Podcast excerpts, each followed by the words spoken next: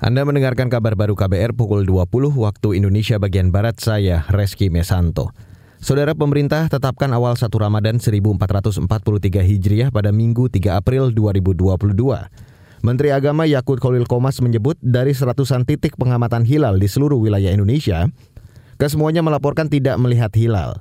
Kata dia, pengamatan hilal ini menjadi dasar menentukan awal Ramadan yang selama ini digunakan pemerintah. Berdasarkan hisap posisi hilal seluruh Indonesia sudah di atas ufuk, akan tetapi belum memenuhi kriteria Mabims baru, yaitu tinggi hilal 3 derajat dan sudut elongasi 6,4 derajat, serta pelaporan Rukyatul Hilal secara mufakat bahwa satu Ramadan tahun 1443 Hijriah jatuh pada hari Ahad 3 April 2022 Masehi. Ini sidang isbat, hasil sidang isbat yang baru saja kita selesaikan dan kita sepakati bersama. Menteri Agama Yakut Kolil Komas berharap hasil sidang isbat menjadi simbol dan cerminan kebersamaan umat Islam Indonesia. Sebelumnya, pengurus besar Nadatul Ulama atau PBNU juga menetapkan awal Ramadan pada 3 April 2022.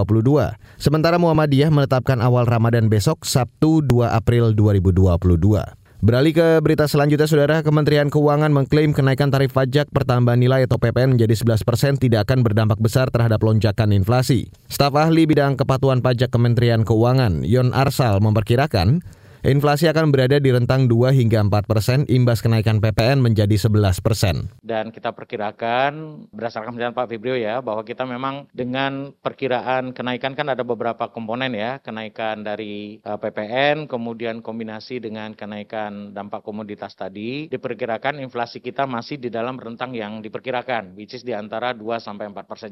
Staf ahli bidang kepatuhan pajak Kementerian Keuangan, Yon Arsal mengklaim, Penyesuaian tarif PPN itu masih dalam rentang anggaran pendapatan belanja negara atau APBN. Sementara itu Direktur Jenderal Pajak Suryo Utomo mengakui telah berdiskusi dengan Kamar Dagang Indonesia. Dia menyebut pada saat diskusi itu Kadin telah mengeluarkan rilis kepada anggotanya agar tidak menaikkan harga kebutuhan pokok.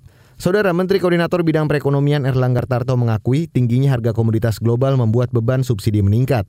Menurutnya salah satu faktor naiknya harga komoditas di tingkat global adalah perang antara Rusia dan Ukraina. Nah tentu kalau kita hitung berdasarkan harga minyak yang naik ke 100, subsidi kita bisa mencapai 300 triliun.